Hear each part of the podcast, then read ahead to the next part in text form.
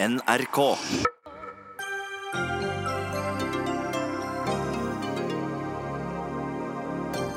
Berginga av fregatten Helge Ingstad har så langt kosta en halv milliard kroner. Siden arbeidet er forsinka, blir det enda dyrere. Det kom fram i forbindelse med forsvarsministerens redegjørelse i Stortinget i dag. Bergingsaksjonen må granskes i egen undersøkelse, krever Arbeiderpartiet. Til tross for aldersgrense er tre av fire barn på sosiale medier. Bransjen må ta større ansvar, mener Medietilsynet. Og hårreisende at et statlig aksjeselskap som Avinor bruker millioner av kroner på å få mer flytrafikk uten en tanke på klimautslippsmål, mener Framtiden i våre hender. Mer miljøvennlig med gode flyforbindelser fra Norge, svarer Høyre.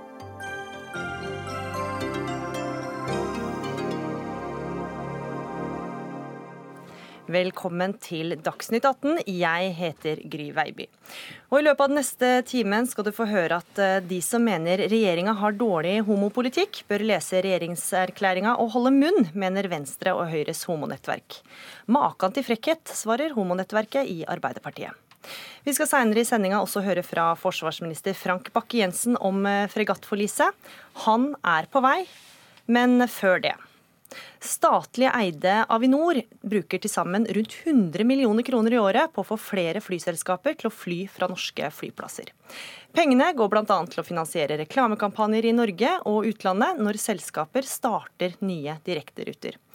Og dette kaller du hårreisende i Dagens Næringsliv i dag. Anja Bakken Riise, du er leder i Framtiden i våre hender. Hva er det som er så hårreisende med det? Jo, det er jo at et statlig eid aksjeselskap som Avinor bruker 100 millioner kroner på å prøve å få folk til å fly mer, samtidig som vi vet at FN sier at vi må halvere utslippene i løpet av de neste elleve årene. Og så er det veldig bra at regjeringa nylig har annonsert et nytt mål der de sier at vi skal halvere utslippene fra transportsektoren i Norge innen 2030. Men av en eller annen merkelig grunn så omfatter ikke det her luftfarten. Verken innenriks eller utenriks. Det henger ikke på greip, og det mener vi at må endres. Men hvordan mener du Avinor da skal drifte norske flyplasser, da? Altså, I dag så har vi jo organisert eh, de øvrige transportetatene, som for så vidt er, det er noe litt annet, men sånn som f.eks. Vegvesenet, de skal tilrettelegge for trafikkvekst og økt befolkning osv., men de skal samtidig kutte utslipp. Og Der bruker de en rekke virkemidler for å få til det. Vi snakker om eh, veiprising, om bompenger, en rekke avgifter. Eh, nå er det sånn at Avinor de kutter avgiftene på sine lufthavner for å være konkurransedyktig mot, eh, for, opp mot internasjonale flyselskap. De gjør en rekke ting som skal insentivere til økt trafikk, stikk i strid med norske klimamål. Mm. Og det er viktig å, etter, å, å si da at Avinor sitt eget styre sendte brev til samferdselsministeren i fjor sommer og sa at våre vekstmål, vårt samfunnsoppdrag, er i strid med norske klimamål. Mm. Ja, Avinor hadde ikke anledning til å være her, og de viser også til dere politikere. Tom eh, Christer Nilsen, du er stortingsrepresentant fra Høyre og medlem av eh, næringskomiteen. Og sånn som Statens vegvesen har definert et samfunnsoppdrag for å nå eh, klimamålene. Hvorfor har ikke Avinor det? Fordi store deler av fly, eh, flysektoren er innenfor en eh, frivillig kvoteordning som eh, Norge har tilpasset seg. Det vil si, Den delen av transportsektoren som det nå ble snakket om, den er utenfor kvotesystemet. Og denne, denne, delen er i all hovedsak innenfor kvotesystemet. Men det er fortsatt et statlig eid selskap? da? Man... Ja, men det betyr at det er pålagt en egen eh, reduksjon i, i CO2-utslipp fram mot 2020 på 20 og fra 2030 til, eh, fra 2020 til 2030 på 45% innenfor flytrafikken innenfor denne sektoren i hele, hele Europa. Og det eh, følges opp. Så hvis vi, nå, hvis vi nå sier at vi ikke får en flyrute her i Norge, så betyr det bare at det finnes en ledig CO2-kvote å bruke et annet sted i Europa. I all hovedsak. Og det, eh, det betyr at eh, som oftest er dette et godt klimatiltak ved at vi sørger for at vi får et bedre tilbud til reisende i Norge og eh, at vi i mange tilfeller korter inn den reisen de, de gjør. Ja, for altså, Du mener at disse 100 millionene til Avinor slett ikke er et dårlig klimatiltak? Fordi nei, man flyr fra Norge? Med, er det argumentasjonen? Altså, Jeg eh, vil mene at i mange tilfeller så betyr det at du istedenfor å fly eh, f.eks. til Amsterdam først for å fly tilbake igjen til Storbritannia etterpå, så flyr du direkte til Storbritannia. Eller f.eks. som et av eksemplene som ble brukt her nå, vi får en direkterute mellom Oslo og Beijing istedenfor at du må fly til et annet hovedstad i Europa først, en lang omvei, og så fly videre til, til, til Kina. Og sånn, Det betyr at det går ikke an å si direkte at det er, det er dårligere for klimaet at Avinor gjør dette. Og Samtidig er de innenfor en kvotesektor. For det første innenfor den EU-kvotesektoren som vi har i dag. Men i forhold til Norges klimamål, da? Dette er jo i forhold til Norges klimamål, men det viktige for oss alle sammen er jo at totalutslippet av klimagasser går ned. Og Når vi har et eh, felleseuropeisk system for det, så spiller det ingen rolle om vi har en flere reiser i, Norge vi har, og en mindre reise et annet sted. Men i tillegg så kommer det en ny avtale fra og med 2020 med ytterligere reduksjon innenfor EU, men også som omfatter en frivillig ordning der Norge er med. der 90 av... Vi holder oss til denne saken først. Ja, okay. Riesen, du skal få svare på det han sier her. Eh, jo, hvor skal jeg begynne? Altså, jeg at Det er en kreativ analyse å, å, å legge opp til at eh, å opprette flere langdistanseruter, direkteruter, vil føre til klimakutt. Altså I prinsippet så kan jeg være med på at hvis du eh, hvis du har færre mellomlandinger, det betyr færre takeoff og landinger, så kan du redusere mye utslipp bare der. Eh, men, men, så er det jo ikke sånn at de her direkterutene erstatter all den andre eh, flytrafikken som finnes fra før. Og det som er med flytrafikk, eh, så er det, det er et system innenfor EU som, som har CO2-avgift og som er kvotebelagt, men så har du de lange internasjonale flyreisene som ikke er en del av det.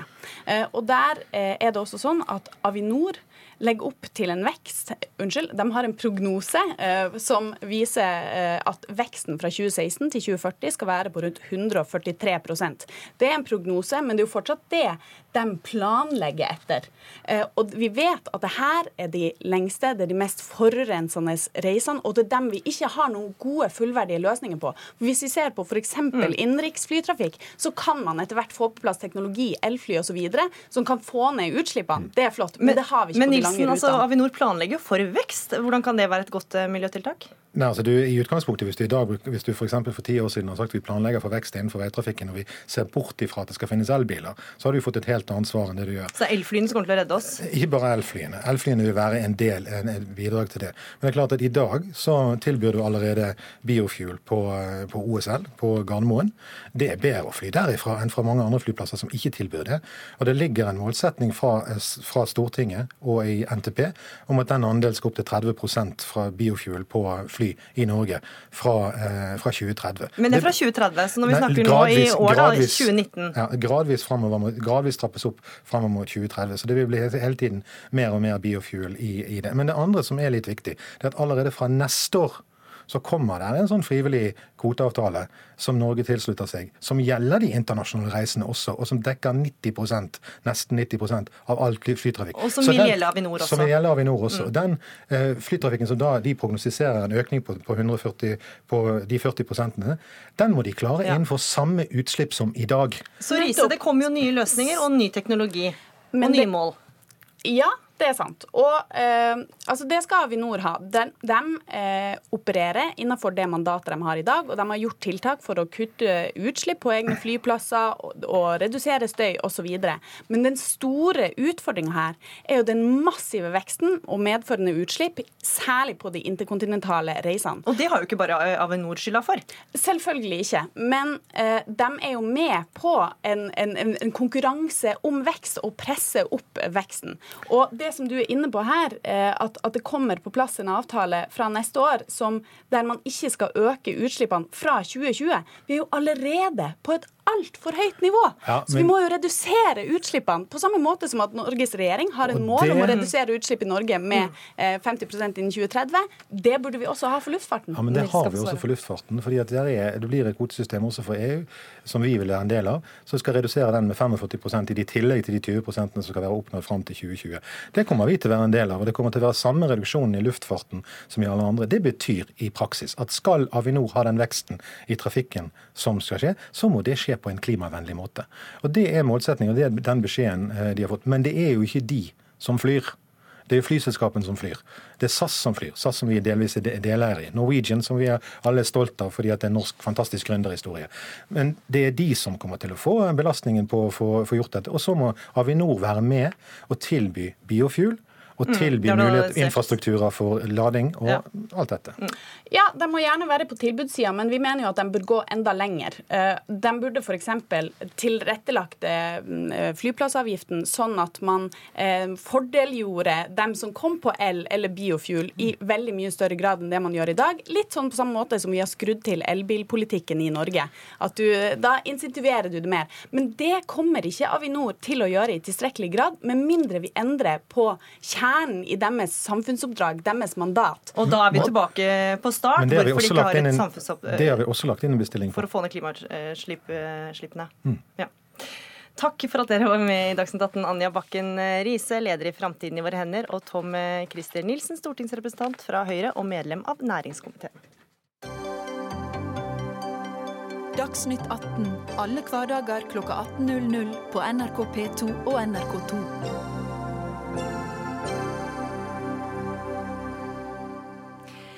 Vi skal til Venezuela. For i motsetning til USA og flere europeiske land vil ikke Norge anerkjenne Juan Guaidó som midlertidig president i landet. Og for den som ikke har den siste utviklinga i Venezuela helt foran i pannebrasken, så er Guaidó altså leder for nasjonalforsamlinga eh, i Venezuela, som utropte seg selv til midlertidig president for to uker siden. Og han fikk rask støtte fra USA og en rekke latinamerikanske land, og mandag fulgte en rekke europeiske land opp med å anerkjenne ham som landets fungerende president men altså ikke Norge. Og Benedicte Bull, professor ved Senter for utvikling og miljø ved Universitetet i Oslo. Hva er din forklaring på at Norge ikke vil eh, gi en slik anerkjennelse? Ja, det er nok at eh, de ønsker å spille en rolle i en prosess som kan komme etter den prosessen som skal da avsette sittende regjering. De har jo uttrykt veldig sterk støtte til Guaidó og og dyp kritikk av Maduro. Men de vil ikke gå så langt som å anerkjenne ham. Og det tenker jeg er er nettopp fordi eh, man har to tanker i hodet. og Det ene er at nå må man få til en, et regimeskifte. Og det andre er at etter det så, så, bør det komme på plass en type overgangsregjering og et regime som kan skape fred og få Venezuela ut av krisa. For man har jo sett mange andre tilfeller hvor du har fått til det første, men ikke det andre. Mm. Så en nøytral rolle for å kunne spille en større rolle seinere? Det tror jeg er nok hovedbegrunnelsen. Mm. I tillegg til at man da sier at man ikke har noen tradisjon for å anerkjenne presidenter, men stater. Mm. Og når du sier Nicolás eh, Maduro, Maduro, så er det han som nå sitter eh, satt inntil videre? For landet har jo nå to presidenter. Ja. Nicolás Maduro har vært president eh, Hans andre presidentperiode skulle begynt 10.1, men han ble valgt i et valg den eh, 20. mai, som eh, nabolandene, nasjonalforsamlingen og EU bl.a. ikke eh, mente var gyldig og ikke demokratisk, ikke i tråd med konstitusjonen. Og dermed anser de også som at landet er uten president fra og med 10.1, og det er den rollen Juan Guaidó fyller. Mm. Men Hva var det som gjorde at han eh, annonserte seg som president, da? Ja, Det var jo nettopp at fra, fra og med 10. januar så ifølge konstitusjonen i deres fortolkning så hadde ikke Venezuela noen president. Mm. Og da har eh, presidenten i nasjonalforsamlingen plikt til å, eh, å, tre inn i den rollen ifølge konstitusjonen. Så det var ikke helt noen selvutnevnelse. Det er ifølge deres fortolkning av konstitusjonen. Mm. Vet vi hvor stor oppslutning Guaidó egentlig har da, blant folk i Venezuela? Altså, Meningsmålingene nå tyder på at han har over 80 eh, oppslutning. Jeg tror det er ganske vanskelig å gjøre noen fornuftig meningsmåling akkurat nå. Men i, i løpet av de siste årene så har det vært rundt 20% av befolkningen som har støttet Maduro. Så det stemmer sånn mer eller mindre som en overgangspresident. Tanken har aldri vært at han skal sitte, men være en overgangspresident i 30 dager, og så skal det skrives ut nyvalg. Mm. Mats Salem, du er eh, folkerettsjurist, og som vi hørte tidligere, altså Norge anerkjenner altså ikke Guaidó som en mm. midlertidig president i Venezuela. Mm. Et klokt valg, eh, kaller du dette, eller sier du til ABC Nyheter. Hvorfor er det det? Mm. Nei, ja, Det handler jo om at det å gå ut og kreve et statsråds avgang eh, så trenger du liksom en forankring for det, og du har ikke noen ordentlig forankring for det i folkeretten i dag. Skal du da gjøre det, så kreves det da en forankring i nasjonal rett, eventuelt i Grunnloven. Nå hører vi kanskje det at det er grunnlag for det å kreve det i Venezuela, men jeg tror nok også at Norges tilbakeholdenhet er jo nettopp også at man kanskje er usikre på eh, om det finnes faktisk en grunnlag for å kreve både den sittende presidenten avgang, og også å utpeke en, en ny en på den måten som, som gjøres her. Og Det er det jeg liksom har ment at det er en klok beslutning. Man må vise en stor grad av edruelighet i denne form for prosesser, altså ikke ta forhastede beslutninger. Du sier at det er knytta mye usikkerhet her, men eh, samtidig så har jo USA og flere andre europeiske land anerkjent Guaidó som eh, president. og Hva var din forklaring på det, da? Ja, nei, og Det er jo et godt spørsmål. Eh? Og Det er det jeg prøver å utfordre her også. Er det en ren politisk handling fordi ikke de liker den sittende presidenten, eller er det fordi at de mener at det er en annen person som er liksom den legitime og som har rett til denne? Og Det mener jeg jo at man kan jo sikkert diskutere. Nå hører vi fra eksperten her at kanskje det finnes en grunnlag for å, å kreve et sånt skifte, men jeg har også lest at det er andre som kanskje kan ha andre meninger om det. Og det er det jeg er opptatt av. altså at Når du går ut og krever en sittende presidents avgang, så trenger du en forankring for det i nasjonal rett. For det er ikke noe du kan kreve til folkeretten. Mm. Ja, Benedicte Bull, hva syns du om at Norge ikke vil anerkjenne han som eh, president? da? Er det et klokt valg, som Harlem her eh, mener? Eh, jeg ble litt overrasket, må jeg innrømme, for jeg hadde kanskje regnet med at de ville fulgt EUs linje. EU satte et åttedagers ultimatum eh, til Maduro at han skulle ut, eh, eh, utlyse et nyvalg, og det skjedde ikke. Det var også ganske forutsigbart, vil jeg si, og så eh, fulgte de opp med dette her. men Norge hadde jo altså på mange måter så hadde EU eh, forpliktet seg litt til det, siden de ikke anerkjente valget i mai. fordi at eh, da anerkjente de jo egentlig ikke Maduro sin eh, periode. Eh, Norge kritiserte valget i mai, men det gikk ikke så langt. Eh, jeg, altså akkurat nå så tenker jeg at det at å kunne spille en sånn nøytral rolle er litt uaktuelt. Akkurat nå, eh, og det, denne oppfordringen til dialog blant partene, det tror jeg er helt illusorisk akkurat i den situasjonen man er nå. Men at man kan gjøre det senere, det kan være en mulighet. Det jeg tror USA eh, prøver å gjøre, og som da også EU prøver å gjøre, det er jo å gi opposisjonen en sterkere forhandlingsposisjon. Fordi de har vært så svekket og splittet i mange år at tanken om dialog er egentlig helt illusorisk, og hadde bare vært brukt til en uttaling av tid fra Maduro sin side. Mm. Nei, og du kan si at selvfølgelig, det, Den ser jeg. For meg blir jo det veldig sånn politiske handlinger. og jeg mener liksom også at selv liksom politikken bør forankres i jussen. Den bør forankret i nasjonal lovgivning. Så jeg håper jo også at hvis det er det som er bakgrunnen for det USA og amerikanerne gjør, så er det også at man har på mange måter en, en grunnlag i i lovgivning i Venezuela for å gjøre dette her. For Hvis ikke så kan dette også skape en, en, farlig presedens. Altså bare at man ikke på mange måter liker den sittende presidenten, så kan et annet land kreve avgang. og Det tenker jeg er en farlig vei å gå, som uh, man må passe seg for. Har vi sett noen eksempler på det fra andre land? Nei, altså Vi har ikke veldig mange gode eksempler som jeg kjenner til her nå. Men jeg husker jo tilbake igjen altså på et tidspunkt hvor uh, tidligere president Bush krevde jo Yasir Arafat sin avgang når han var valgt. og Jeg husker han ble kritisert for det. For det er jo liksom ikke bare slik at du ikke liker en president, så kan du du kreve en avgang. Men veldig mange gode eksempler har jeg ikke sett på det. De eksemplene du i så fall har, så er det ved bruk av væpnet makt fra en stat mot annen. Men det er et annet spørsmål, som også er, trenger en, en, forankring i folkeretten. Og det er ikke det vi står i hvert fall foreløpig overfor i Venezuela. Mm. Også, og Bull, også, I Venezuela så er det jo også storpolitikk inn i bildet. Etter hvilke land som støtter de ulike eh, presidentene? Ja, og det eh, falt jo ned på en måte veldig forutsigbart. Eh, at eh, Russland og Kina gikk raskt ut og støttet Maduro og, og pekte på prinsippet om ikke-innblanding. Cuba, Bolivia, Nicaragua, Tyrkia også. Så det er på en måte deres sterke allierte. Eh, kineserne har på en måte fulgt litt opp det med ikke-innblanding, for de har jo egentlig ikke sagt noen ting i det siste. De har holdt seg veldig rolige. Russerne eh, har nok en veldig sterk interesse i at eh, Maduro blir sittende av forskjellige årsaker. Både interesser i oljeindustrien og også våpenhandel. Venezuela er en viktig våpenkunde for Russland. Så, og, da, og, og, de peker jo da nettopp på det prinsippet som blir, blir referert til her. Og det er jo vanskelig egentlig hele debatten i Venezuela, fordi det, hele konstitusjonelle grunnlaget er nesten litt sånn i oppløsning etter at Maduro nedsatte en grunnlovsgivende forsamling i 2017 som tilsidesatte nasjonalforsamlingen og egentlig overstyrte alle andre organer. Så hva er da konstitusjonelt og ikke i en sånn situasjon? Det er litt vanskelig å svare på. Mm. Nei da, jeg mener det jeg hører det, og jeg, jeg ser også den. Sånn at, og jeg skal ikke liksom utfordre det, for så godt kjenner jeg ikke til uh, nasjonal lovgivning i Venezuela. Så mitt anliggende her er mer liksom å, å, mane til forsiktighet fra andre stater når man går ut og krever en sittende presidents avgang. Det trenger på mange måter en forankring i nasjonal rett. Skal du gjøre dette her, og skal du gjøre dette på en ryddig og ordentlig måte. Mm. Vi kommer til å følge situasjonen i Venezuela nøye framover også. Takk for at dere var med i Dagsnytt 18, Benedicte Bull, professor ved Senter for utvikling og miljø ved Universitetet i Oslo, og Mats Harlem, folkerettsjurist.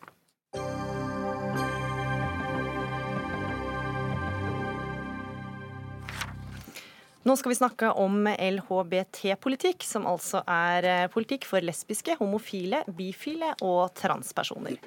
For i Dagbladet i dag kunne vi se talspersonene for de homofile nettverkene i Venstre og Høyre omfavne hverandre og regjeringas homopolitikk. De mener at de som kommer med kritikk, må sette seg ned og lese regjeringsplattformen, og deretter holde munn. Men likevel eh, så sitter du her i studio, leder for Arbeiderpartiets eh, homonettverk.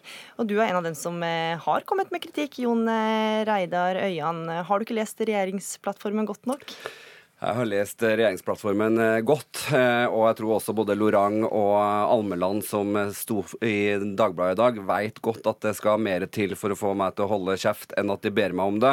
Jeg syns det er ganske arrogant og litt sånn pinlig å bli meningsmotstandere om å holde kjeft og bare si at denne regjeringsplattformen er perfekt, alt er flott og fint. Du kaller utspillet for komiske Ali?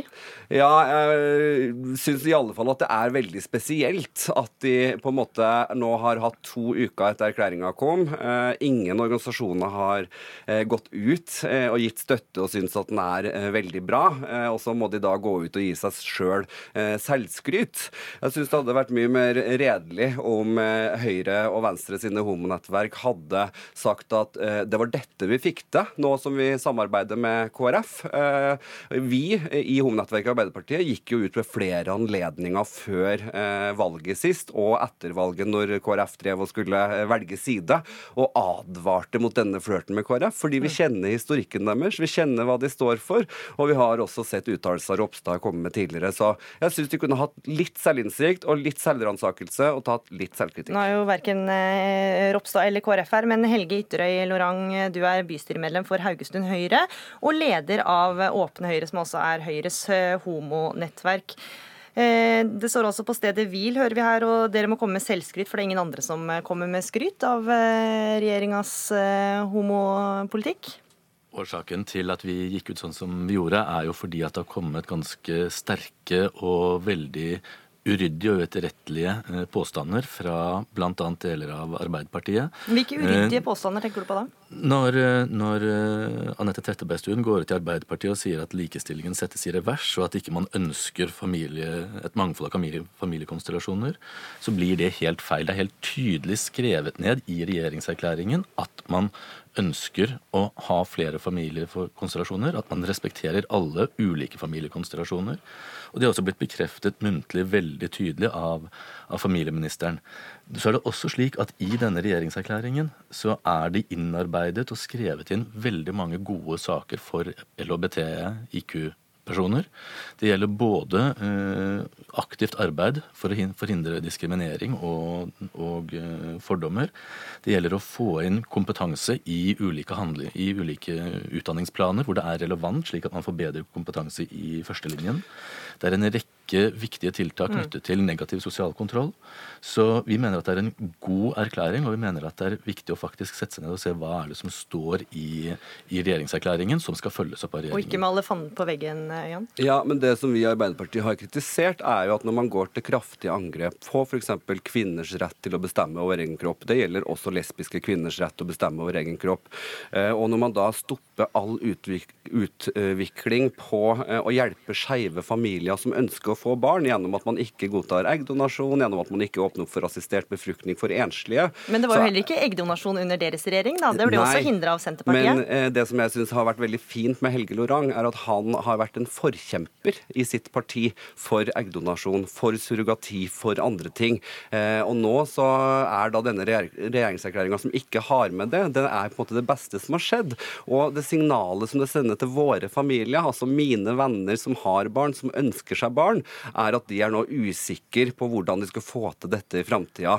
Eh, og da er det jo ikke det mangfoldet av familiekonstellasjoner som man kan få, som man eh, kan få til. Så jeg syns at når man skriver i erklæringa, så skriver man at man skal sikre sikre rettighetene til LHBT-personer, eh, ikke styrke, som er noe som jeg kunne ha foretrakt meg at man hadde gjort. At man kunne ha sagt at man vil sikre hiv-positive rett til den beste behandlinga istedenfor Men man får jo ikke med alt i en erklæring heller? Nei, og det er helt åpenbart at det ikke er alt som har vært like mm. viktig å få med. Og da, må vi reagere kraftig. Ja.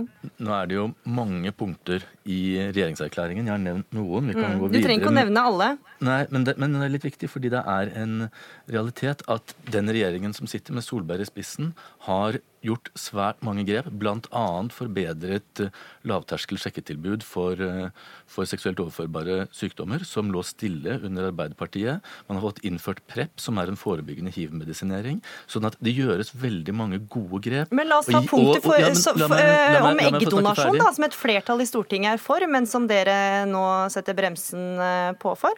Og det er riktig at jeg var en av forkjøperne og ønsker det. Og jeg er glad for at vi fikk flyttet partiet, sånn at det går inn for eggdonasjon. Jo, men En ting er partiet ditt, men du er jo med en regjering som uh, setter bremsen på? Så, så, er det satt på vent uh, i denne perioden. Akkurat som det sto på vent under Stoltenberg, fordi da var det Senterpartiet som, som var brems.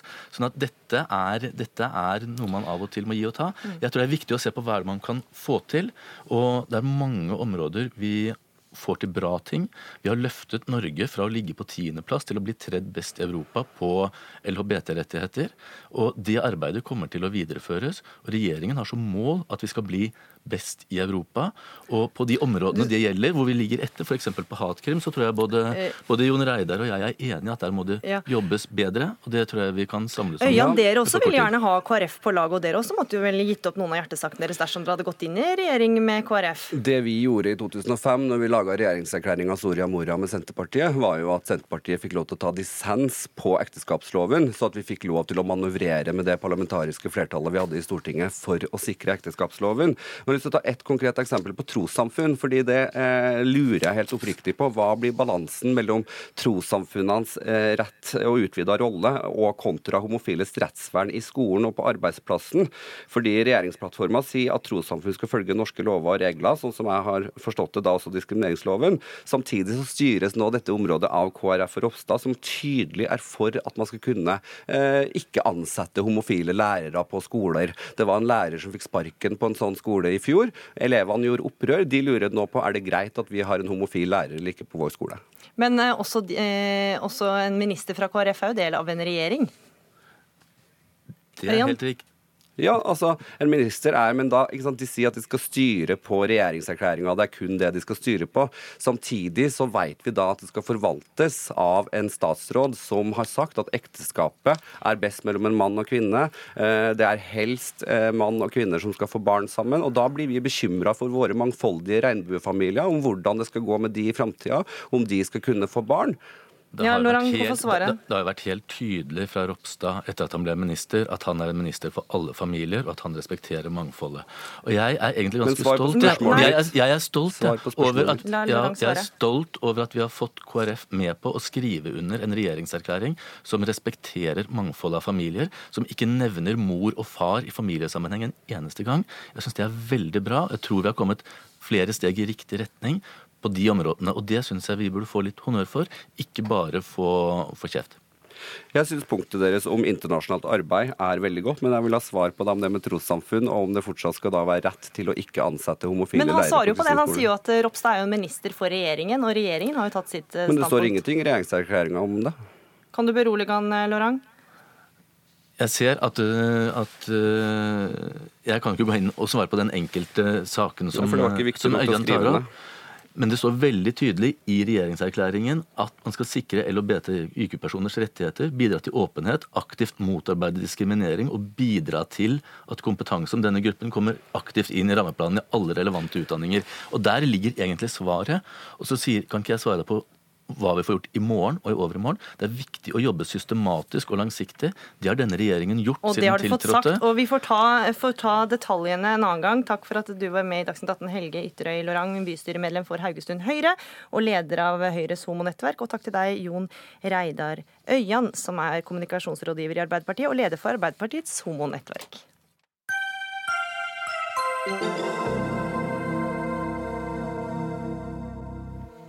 Nå om eh, fregatten KNM Helge Ingstad, som altså kolliderte med tankskipet Sola klokka 4.03 natt til 8. november i fjor, med en besetning på 137 personer om bord. Åtte ble lettere skada i forliset. For i dag var forsvarsminister Frank Bakke-Jensen i Stortinget og redegjorde om eh, havariet og bergingsarbeidet. Fortsatt ligger fregatten på grunn under vannoverflaten i Heltefjorden i Hordaland, nesten tre måneder etter kollisjonen med tankbåten. Og Frank Bakke-Jensen, forsvarsminister eh, og politiker fra Høyre. Har du nå informert Stortinget om alt du kjenner til om ulykken og bergings, bergingsarbeidet etterpå?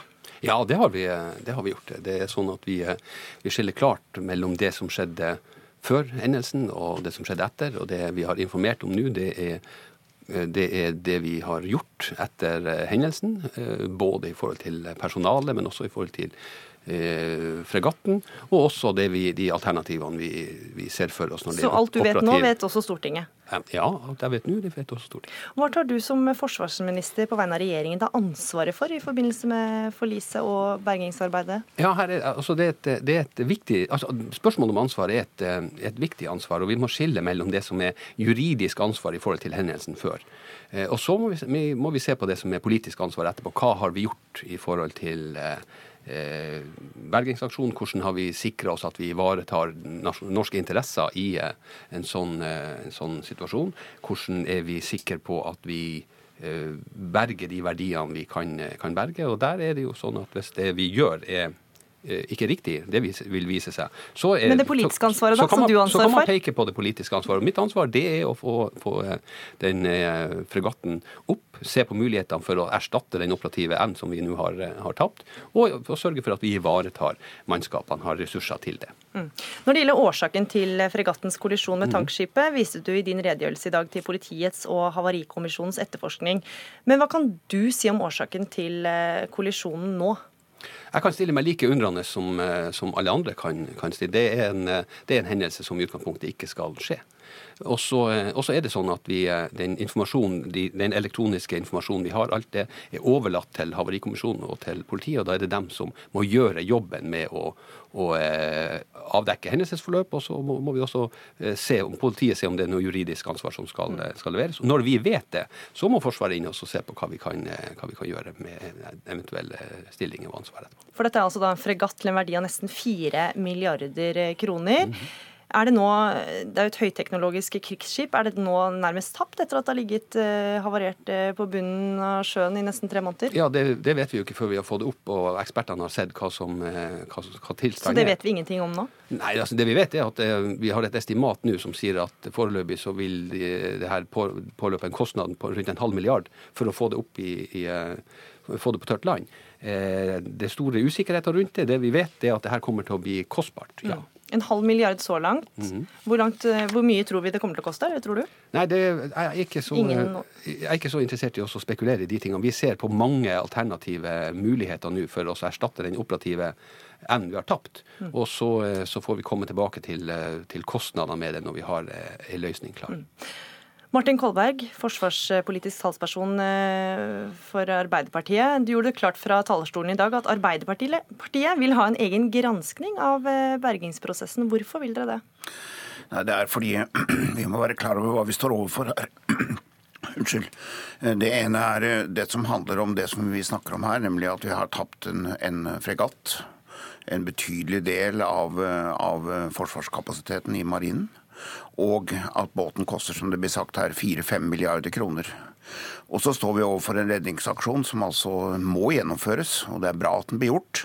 Men det er tegn som tyder på at den kanskje ikke var godt nok planlagt i starten. Og eh, For båten eh, lå jo på grunnere vann enn den gjør nå. Den eh, gled ut, og det kan være gode grunner til det.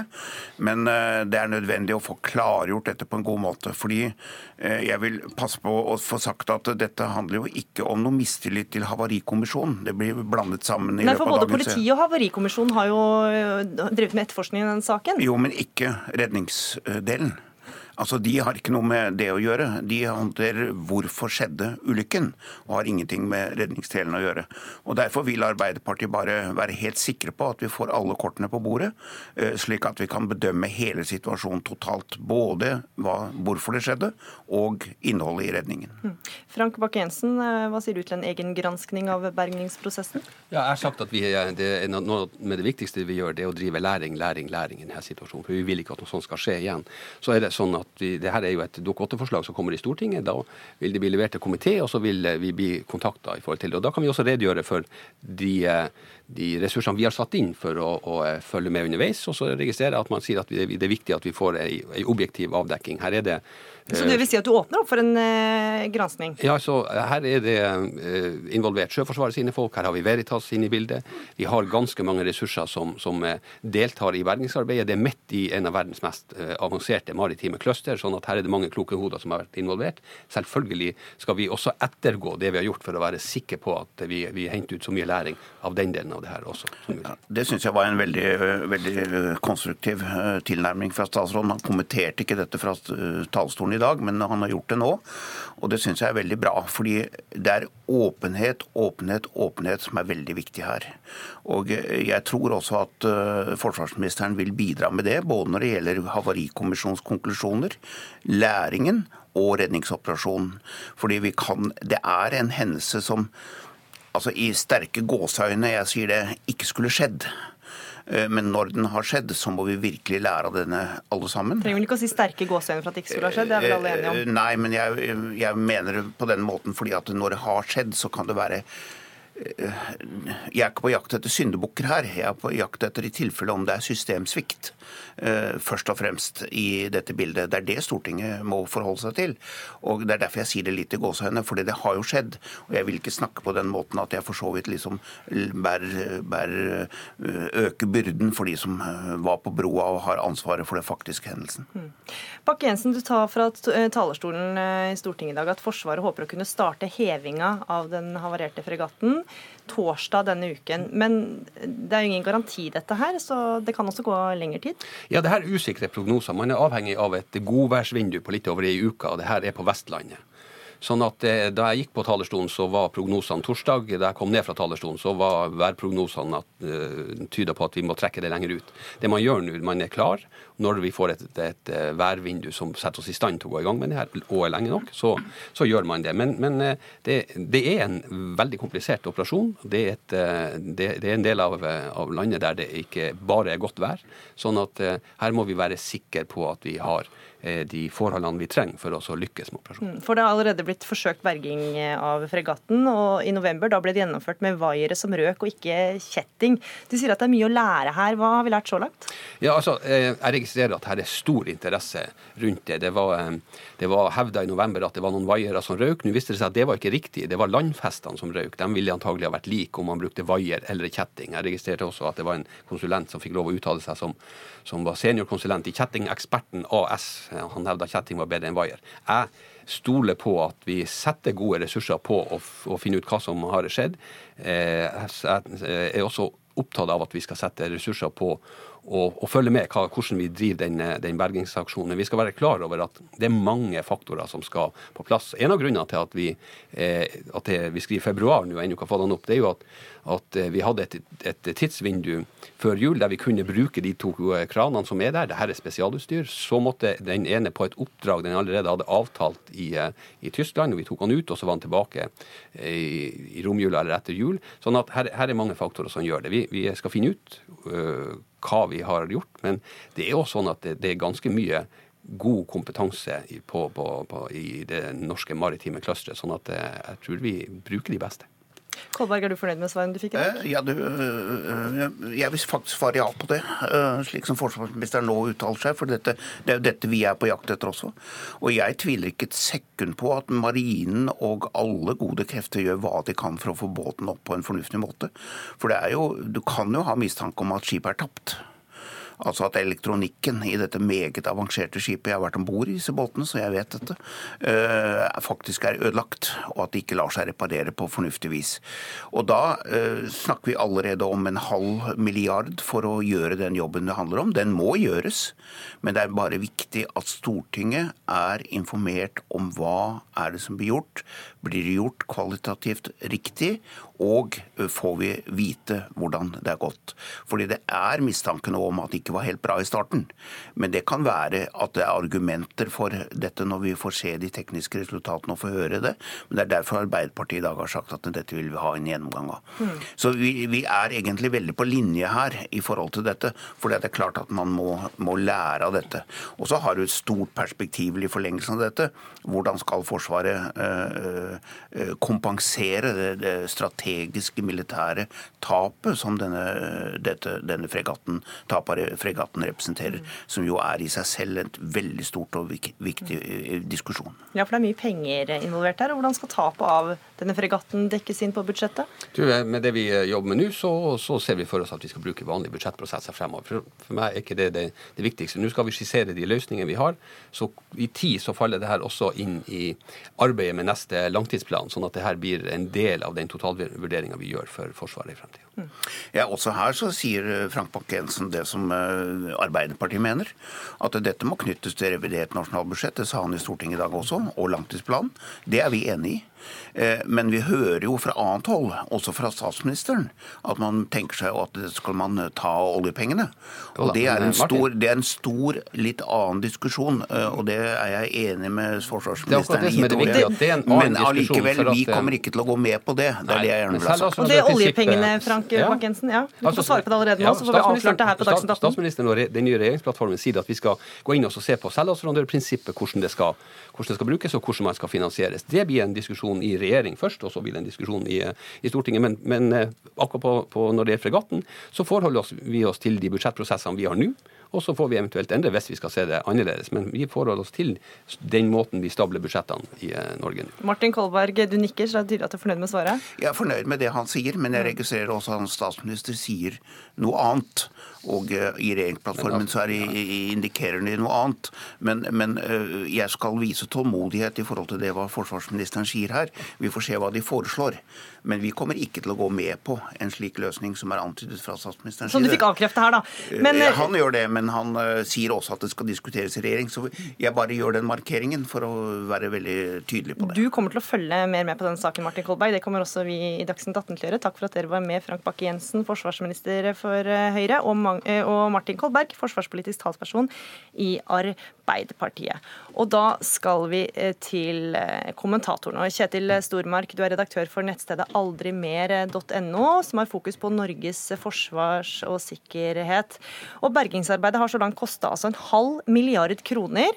Og været og andre forhold avgjør eh, om fregatten kan heves opp av sjøen denne uken. Hvordan vurderer du selve bergingsarbeidet etter kollisjonen 8.11? Ja, det er jo helt åpenbart at uh, det er ting som har skjedd uh, i den innledende fasen uh, som ikke har gått helt eh, slik man ønska at det skulle gå. Eh, det var jo aldri planen at eh, fregatten skulle synke så langt ned i sjøen som det han har gjort. Eh, eksponeringen av høyteknologisk utstyr for saltvann er jo øker jo hva skal jeg si, graden av ødeleggelse i forhold til innmaten på denne fregatten.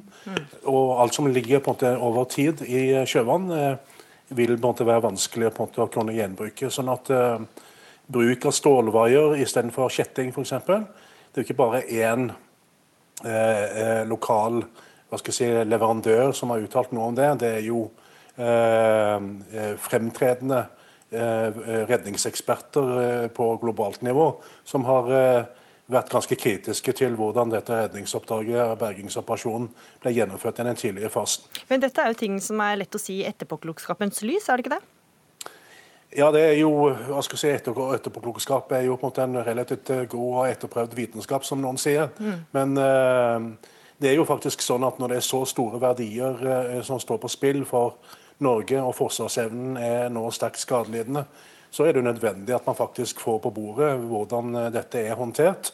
Eh, og ikke minst om det systemsvikt her, som Martin Kolberg peker på, og som gjør at eventuelle framtidige situasjoner bør håndteres på en annen måte. Mm. Magnus Takvam, politisk kommentator her i NRK. Eh, vi fikk jo en liten eh, smaksprøve av det her nå. Politikken i dette, altså hvilke politiske konsekvenser kan eh, forliset av dette krigsskipet få? Nei, det, det, første er jo Det handler jo om selve havariet, som, som, dere også snakket om. Å få klarlagt hva som er årsakssammenhengene som for en amatør som meg framstår eh, helt eh, uforståelig, selvfølgelig, at, at, noe sånt kan skje. Eh, det er én prosess. Og så har vi debatten om hvordan man skal kompensere på kort sikt for bortfallet av denne fregatten, og også på lang sikt. Det som har vært mest politisk betent de siste dagene, er jo dette med uh, den fagøkonomiske delen, uh, som Martin Kolberg var litt inne på, om man skal uh, bevilge disse pengene under streken, eller om de skal bevilges på vanlig måte innenfor handlingsregelen over, over streken på budsjettene. Det, det, er fremdeles uklart. Ja, hvordan tolket du Frank Bakke-Jensen når han snakket om dette her i dag? Du sier at det fremdeles er uklart? og... Ja, nei, Jeg forsto han slik at på kort sikt eh, så, så, må man bevilge det på vanlig måte. F.eks. i revidert nasjonalbudsjett så må man bevilge noe som trengs på kort sikt, f.eks. ekstrautstyr som gikk tapt osv. Men den store eh, investeringen dersom man skal gå til innkjøp av en ny fregatt, eh, da må man ta stilling til dette. Også, det dreier seg også da om å bygge opp igjen regjeringskvartalet, som statsminister Erna Solberg har, har nevnt i denne sammenhengen. Men jeg tolker nok eh, for en del av, av, det som ble klart i dag, er jo at man kanskje ikke går til innkjøp av en ny fregatt i denne sammenhengen, men heller komponerer en pakke av, av, av tiltak som i sum er gode nok til å erstatte den fregatten. Og da vil det være veldig rart og unaturlig å liksom eh, ta noen deler av den framtidige forsvarsplanen under budsjettet osv. Så, videre. så det kan godt hende at det ender opp med ordinære bevilgninger eh, på akkurat denne delen av, av diskusjonen. Mm. Stormark, du var litt inne på det, og Frank Bakke-Jensen klarte vel ikke helt å svare på det. Men hvor, eh, hvor mye verdi er det igjen eh, i fartøyet nå? Hva vil du tro? Ja, De sjømilitærekspertene som jeg snakker med, som eh, ikke trenger å være like ansvarlige når de er på lufta eller eh, blir sitert, er ganske tydelig på at det ikke er veldig mye igjen av verdi i denne fregatten når det gjelder innmat og teknologi. Eh, spørsmålet er om både det er skrog og hva skal jeg si, mer eh, den type ting som kan reddes og gjenbrukes. Men eh, for alle praktiske henseender så er denne fregatten tapt, altså. Mm. Takvam tilbake til politikken her. Arbeiderpartiet er jo inne og sier at de vil kreve en egen granskning av bergingsarbeidet. Hva vil de oppnå med det? Ja, så det er klart de, de, sier jo da at mandatet til Havarikommisjonen ikke går lenger enn til å granske selve ulykken. Og eh, som, som, Martin Kolberg var inne på, så er bergingsaksjonen i forkant ikke del av undersøkelsen, og det er det han vil dekke opp. Men jeg opplevde vel her at eh, statsråden vil unngå å politisere den delen av eh, diskusjonen, og er da på en måte åpen for å bidra til å kart, kartlegge også den, den, delen. Så det virker ikke som om, som om det blir en svær, betent eh, konflikt. Det vi kan føye til når det gjelder økonomien i dette, er jo at eh, liksom bakteppet for at Erna Solberg har varslet at de skal vurdere å bevilge dette på den måten vi, vi snakket om under streken, er jo åpenbart de utgiftene som man ser vokse i, i AS Norge framover uansett. Og også for Forsvarets del, der forsvarssjefen nylig i den nyttårstalen han holdt, markerte at det budsjettet, forsvarsbudsjettet vi har nå, er altfor svakt etter den eh, sikkerhetspolitiske utviklingen som har skjedd i de siste par-tre årene. Så det er en veldig sånn krevende økonomisk situasjon for eh, Forsvaret og for eh, AS Norge uansett. Og så kommer da denne ulykken på toppen. Mm, hvordan vil du si at eh, forsvarsminister Frank Bakke-Jensen har håndtert denne saken så langt, da? Det var jo, eh, Vi får vente og gi den endelige karakteren, men det var jo en del eh, diskusjon til å begynne med om mangel på åpenhet, mm. bl.a., som, eh, som han fikk kritikk for. Og der vil nok partiene og offentligheten følge nøye med. At, at man, det ikke blir på en måte hengende i lufta og, om hva som faktisk er ansvarsforhold, og hva som er årsak, årsak til det som skjedde. Mm. Stormark, hvilke konsekvenser vil denne saken få for Forsvaret? Den har fått ganske store konsekvenser, men det som er dramatisk her, er at det sammenfaller i tid med dette tapet av denne fregatten, med at Forsvaret allerede er veldig sterkt belasta. Og Forsvarssjefen sa jo i en tale for ikke veldig mange dager siden i Oslo Militære Samfunn at uh, det minimumsforsvaret han snakka om i 2015, da han la fram sitt fagmilitære råd denne gangen, er under minimum. Vi er på minussiden i dag. Mm. Forsvaret er ikke i stand til å levere på sitt oppdrag med å forsvare Norge nasjonalt. Og vi er heller ikke i stand til å levere på våre forpliktelser i Nato. Og Det uh, gjør at denne budsjettdiskusjonen får et ganske sånn alvorsprega uh, ramme. Uh, fordi dersom disse ekstrabevilgningene som må foretas, gjør at det må kuttes noe Eh, i de eksisterende rammene, når Forsvaret allerede er og, helt på knærne. Ja, og Det kommer eh, helt sikkert til å komme mer, eh, komme, fram, komme mer om seinere. Takk for at dere var med i Dagsnytt 18, Kjetil Stormark og Magnus Takvam. Hør Dagsnytt 18 når du vil. Radio NRK Radio.nrk.no.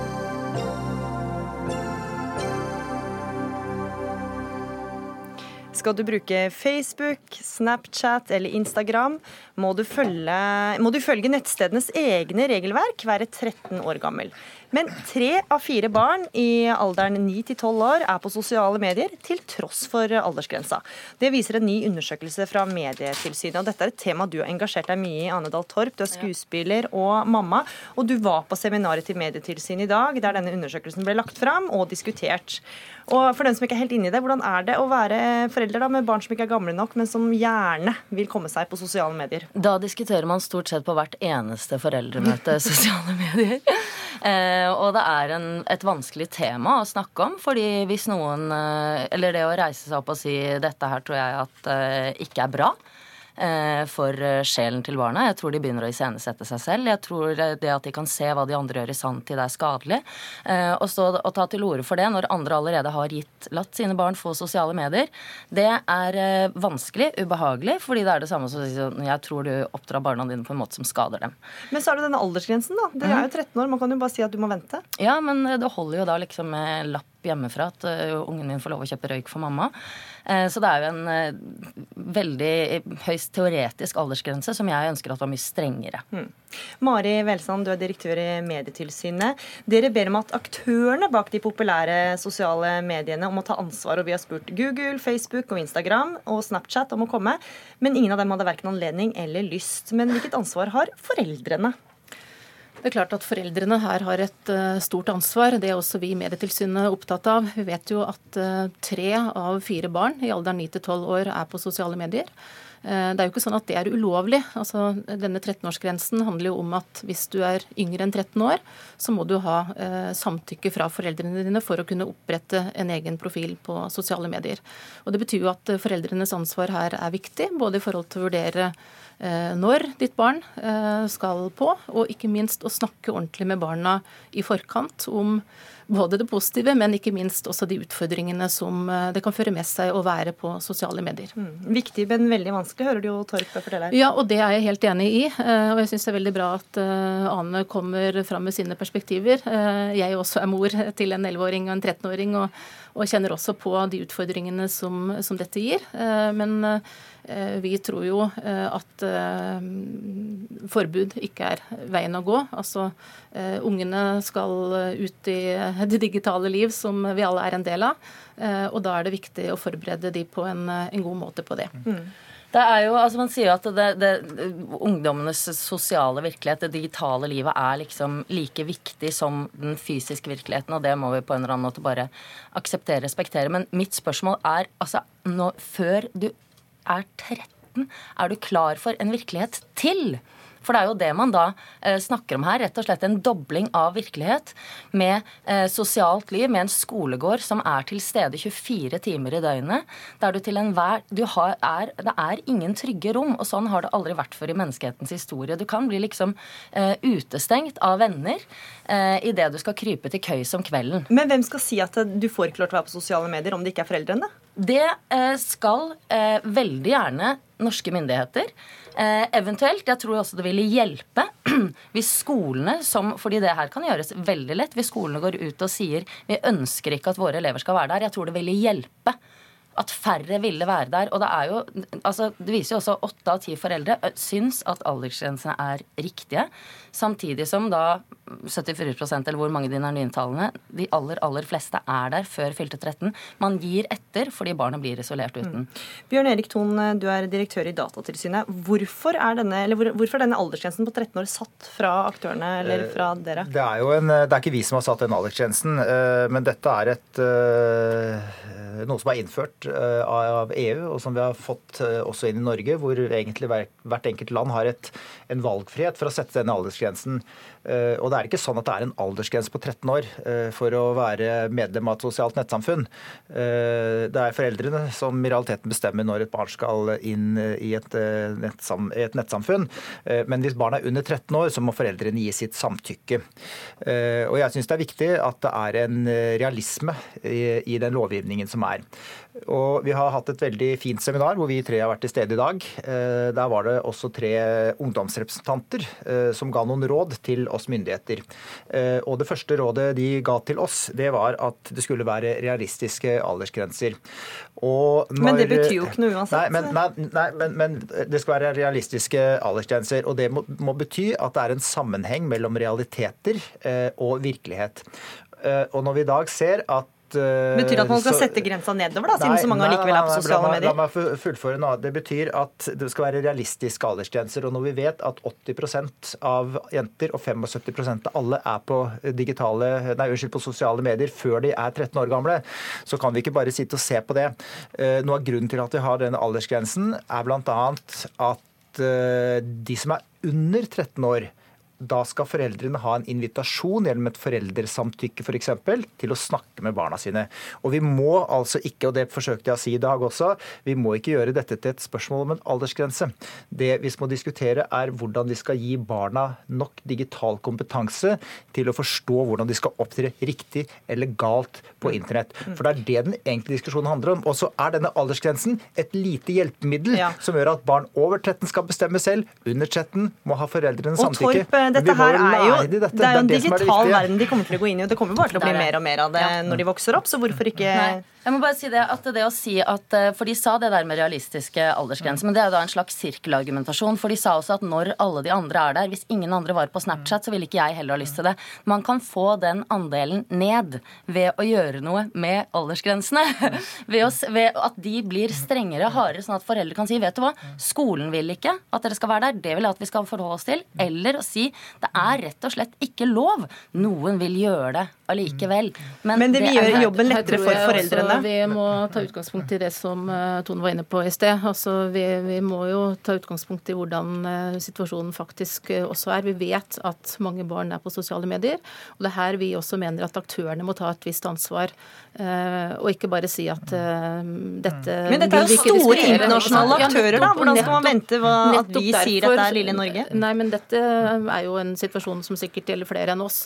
og nettopp derfor så bør jo de ta ansvar for å utvikle løsninger som gjør at da foreldre kan gi samtykke på en ordentlig måte. Men det, det, det, er bare en del av det. Det er klart at Vi vil også at man skal legge til rette for dette. Men det er jo sånn, heldigvis, at det er foreldrene som kjenner barna sine best.